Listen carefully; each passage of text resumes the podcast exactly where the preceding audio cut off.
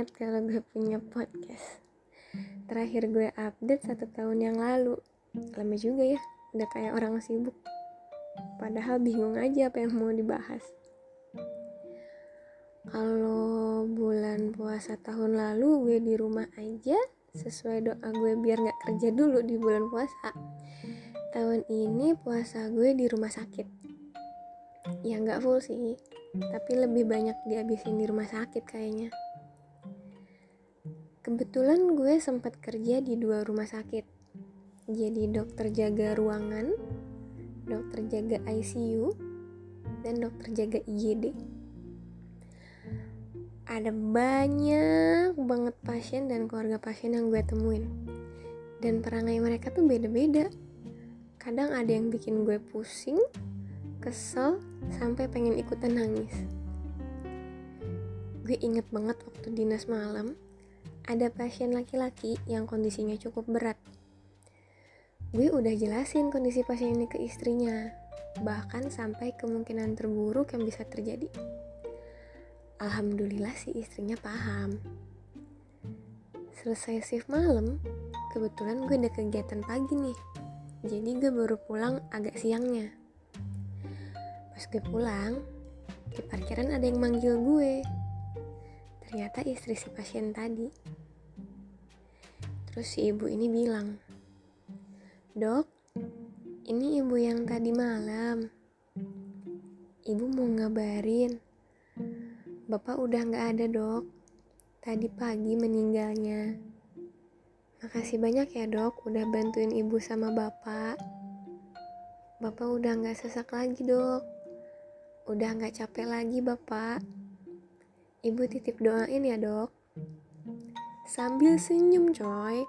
Tapi matanya berkaca-kaca. Jadi kan gue pengen ikutan nangis ya. Nyesek aja gitu dengernya. Mana si ibu ini ke rumah sakitnya berdua doang sama suaminya.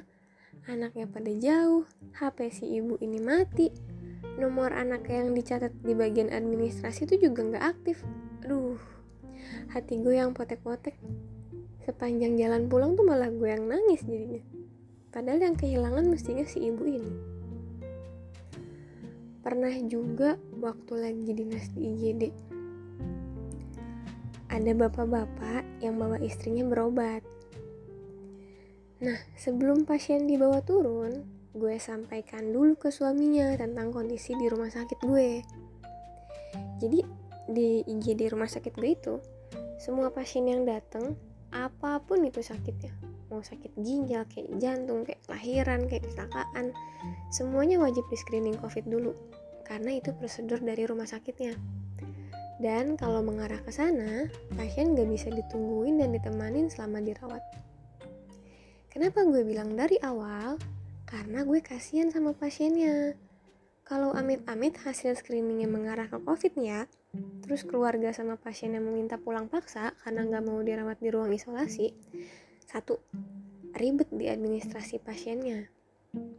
Dua buang-buang waktu buat si pasiennya. Karena di waktu menunggu screening ini dan nunggu hasil si pasiennya kalaupun mau ke rumah sakit lain ya ya ad, ya sesuai lah waktunya. Nggak buang-buang waktu gitu untuk dia nanti mau minta pindah rumah sakit lagi dan lain-lainnya. Terus, selain jelasin perkara screening, gue juga jelasin kalau kondisi rawat inap saat itu sedang full. Kalau nggak salah, ada 10 pasien yang masih ngantri ruangan di IGD. Jadi si pasien ini mau nggak mau harus nunggu di IGD sampai dapat ruangan. Obat sih tetap masuk, penanganan tetap ada, tapi terbatas karena ada beberapa obat dan tindakan yang baru bisa dilakuin kalau ruangannya udah ada. Ya kayak operasi lah misalnya.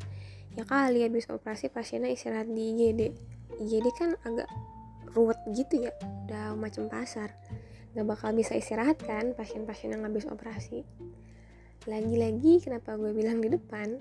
Karena satu pasiennya kasihan kalau mesti nunggu ruangan berhari-hari dan gue pun nggak tahu kapan ruangannya kosong gue nggak berani nih janjiin berapa hari lagi masuk ruangan dan lain-lainnya kedua kalau si pasien ini ternyata perlu pengawasan ketat dengan kondisi IGD yang rame, kasihan juga. Pasien IGD itu sifatnya dinamis. Kalau misalnya ada pasien yang baru, yang gawat, ya udah itu yang kita kerjain dulu. Kita kerja berdasarkan sistem triase.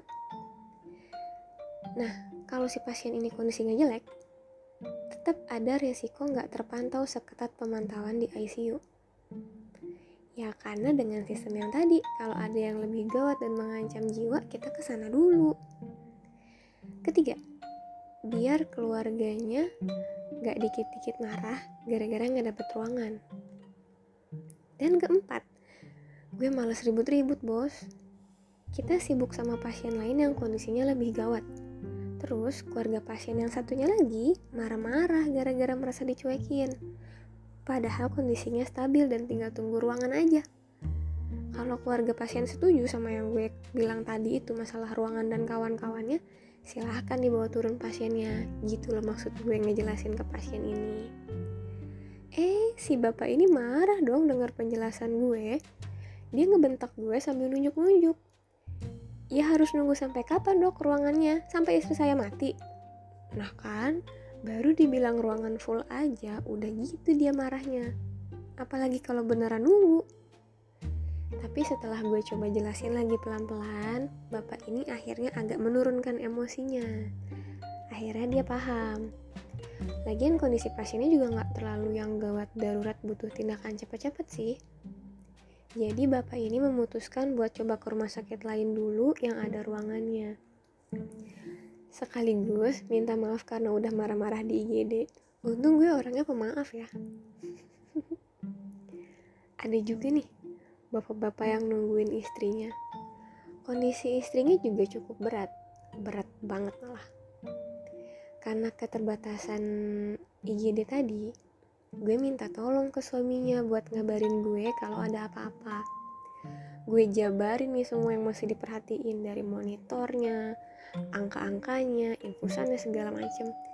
Gue ingetin lagi buat manggil gue atau siapa pun petugas rumah sakit kalau ada kondisi-kondisi yang gue bilang tadi ke si pasien ini. Perkara infus habis pun kabarin aja pokoknya kabarin. Sekali dua kali bapak ini masih manggil. Abis itu dia cuek-cuek aja nggak ada panggilan lagi. Ya udah dong gue fokus ke pasien lain yang kondisinya lebih gawat. Beberapa jam kemudian perawatnya manggil gue. Dok maaf dok boleh tolong liatin pasien yang di sebelah situ nggak? Kok ibunya nafas sama nadinya kayaknya nggak ada ya dok? Lari dong gue.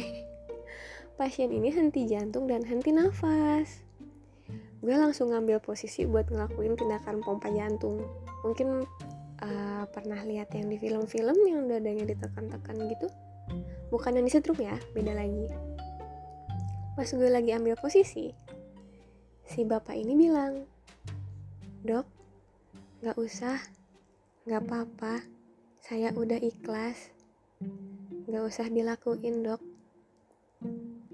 lah, ngomong dong gue. Yakin pak? Sebelumnya kan bapak bilang setuju buat tindakan maksimal. Kalau bapak benar-benar berubah pikiran, nggak saya lakuin. Iya dok, nggak apa-apa. Ibu udah nggak ada juga kok dok dari beberapa jam yang lalu.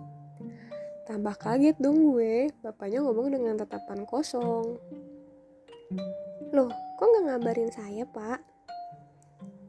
Iya dok, setelah saya pikir-pikir lagi saya kasihan sama istri saya. Gak tega saya lihatnya dok, biar gak sakit lagi. Saya ikhlas, makanya saya gak panggil dokter. Anak-anak juga belum saya kabarin. Saya mau sama istri saya aja dok berdua di waktu terakhirnya. Gue nangis lagi dong. Selain gue ngerasa gimana ya gue kerasa banget nih patah hati si bapak ini di gue. Selain gue ngerasain sedihnya si bapak ini ya gue juga ngerasa takut kena omel dokter spesialisnya gara-gara pasien dia meninggal. Sedih gue. Ya tapi seenggaknya dengan pasien-pasien dan keluarga pasien yang beda-beda ini gue juga dapat pelajaran baru tentang betapa beragamnya sifat dan sikap manusia-manusia. Dan hal itu tuh terbentuk karena perbedaan pengalaman, pengetahuan, lingkungan, kepercayaan, hmm, dan masih banyak hal-hal lain deh kayaknya. Perasaan panik, perasaan takut kehilangan, rasa-rasa nggak ngerti kenapa bisa begini bisa begitu, dan rasa-rasa nggak tahu mesti ngapain seringnya emang bikin emosi keluarga pasien tuh jadi naik turun. Dan itu sering kejadian banget sama keluarga pasien-pasien gue. Bahkan ya gue sendiri waktu ayah masuk IGD gue tetap panik. Padahal gue tahu ya tapi gue tetap panik. Gue tuh malah mikir aduh ini kalau pasien di IGD serame ini pasien gawatnya banyak babe gue bakal dipegang jam berapa ini hei aduh. Gue dan mungkin kalian semua kita semua sih kayaknya harus lebih sabar lagi deh. Mesti coba memahami kondisi orang lain dari berbagai sisi. Apa pun itu. Buat tenaga kesehatan jangan lupa keluarga pasien lagi kalut. Ada baiknya sabarnya ditambah lagi komunikasi diperjelas lagi. Ya emang gak bisa sampai bener-bener ngerti sih. Tapi seenggaknya keluarga mereka jadi ada gambaran tentang kondisi si pasien ini gimana.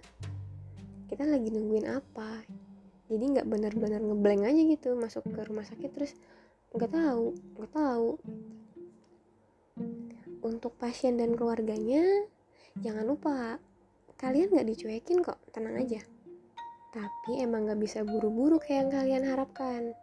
Karena sistem triase yang gue bilang tadi gawat darurat menurut pasien dan keluarga belum tentu sama dengan penilaian gawat darurat secara medis.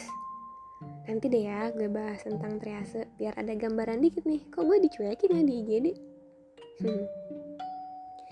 sabarnya juga harus ditambah lagi coba pahamin juga kondisi tenaga medisnya. Mungkin waktu itu di IGD lagi banyak pasien gawat, atau mungkin obatnya udah masuk lewat suntikan jadi nggak berasa minum obat, atau mungkin ada beberapa obat yang baru bisa masuk setelah ada pemeriksaan ABCD gitu-gitu misalnya. Jadi agak nunggu sedikit. Hmm, ya apa pun lah ya. Semua pasti ada alasannya. Lagian marah-marah gak bisa bikin pasiennya cepat sembuh kan? Udah, sampai sini dulu. Jangan lupa sabar ya. Bye.